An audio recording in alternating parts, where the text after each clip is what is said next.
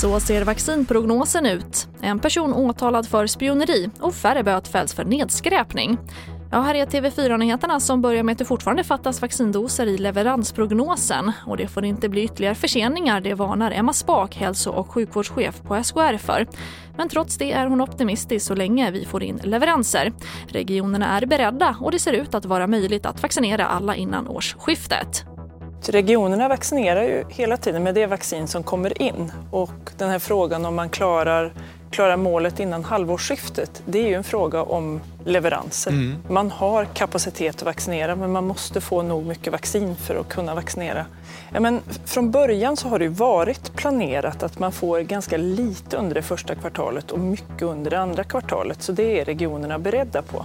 Det, det som är viktigt här är att det måste komma jämnt och stabilt flöde nu från egentligen mars och framåt. Och det sa alltså Emma Spak, hälso och sjukvårdschef på SKR. Och mer om vaccinprognosen kan du se på tv4.se. Och en 47-årig svensk man åtalas för spioneri. Han misstänks ha spionerat på Volvo och Scania för Rysslands räkning. Den misstänkte mannen greps på en restaurang i centrala Stockholm i februari 2019.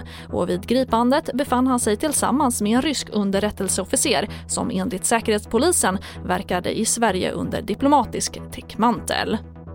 Och vi avslutar med att endast 87 personer bötfälldes för nedskräpning under 2020, vilket är en minskning från 103 böter året innan. Och det är enligt Håll Sverige Rent.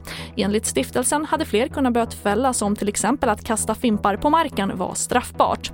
Och att fimpnedskräpning inte är straffbart stämmer dåligt överens med vad svenska folket tycker.